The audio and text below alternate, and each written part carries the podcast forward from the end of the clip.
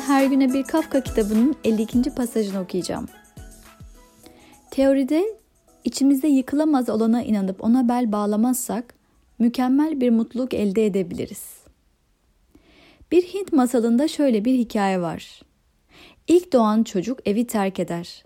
Çünkü onun fikrini almadan onu bir kızla evlendireceklerdir. Kızı bir yerde görür ve çirkin olduğunu düşünür. Çocuk da çok yakışıklı değildir. Ancak ses etmeden bir gün kaçar. Bir yılın sonunda kadınların özellikle çok güzel olduğu uzak bir ülkeye varır. Çocuk da bu kadınlar için çekici gelir çünkü egzotik bir havası vardır.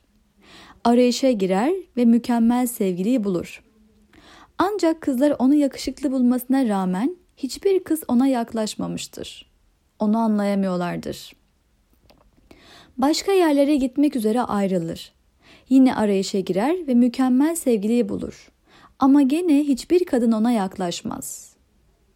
Seyahat etmeye devam eder ve hayallerindeki kadını bulamadan yaşlanır.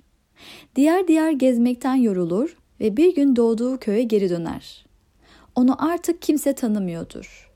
Bir ağacın altında uzanmakta olan bir kadın görür. Onunla konuşur ve muhabbet ederken kendini bulmuş hisseder. Ona bakar ve gerçekten tüm hayatını onunla paylaşmış olmayı ister. Birden kadının yüzüne baktığında seneler önce hor gördüğü kadın olduğunu anlar ve yaptığından pişman olur. Bu masal bize bazen sahip olup da sadece çok yakınımızda oldukları için göremediğimiz şeylere değer vermediğimizi gösterir.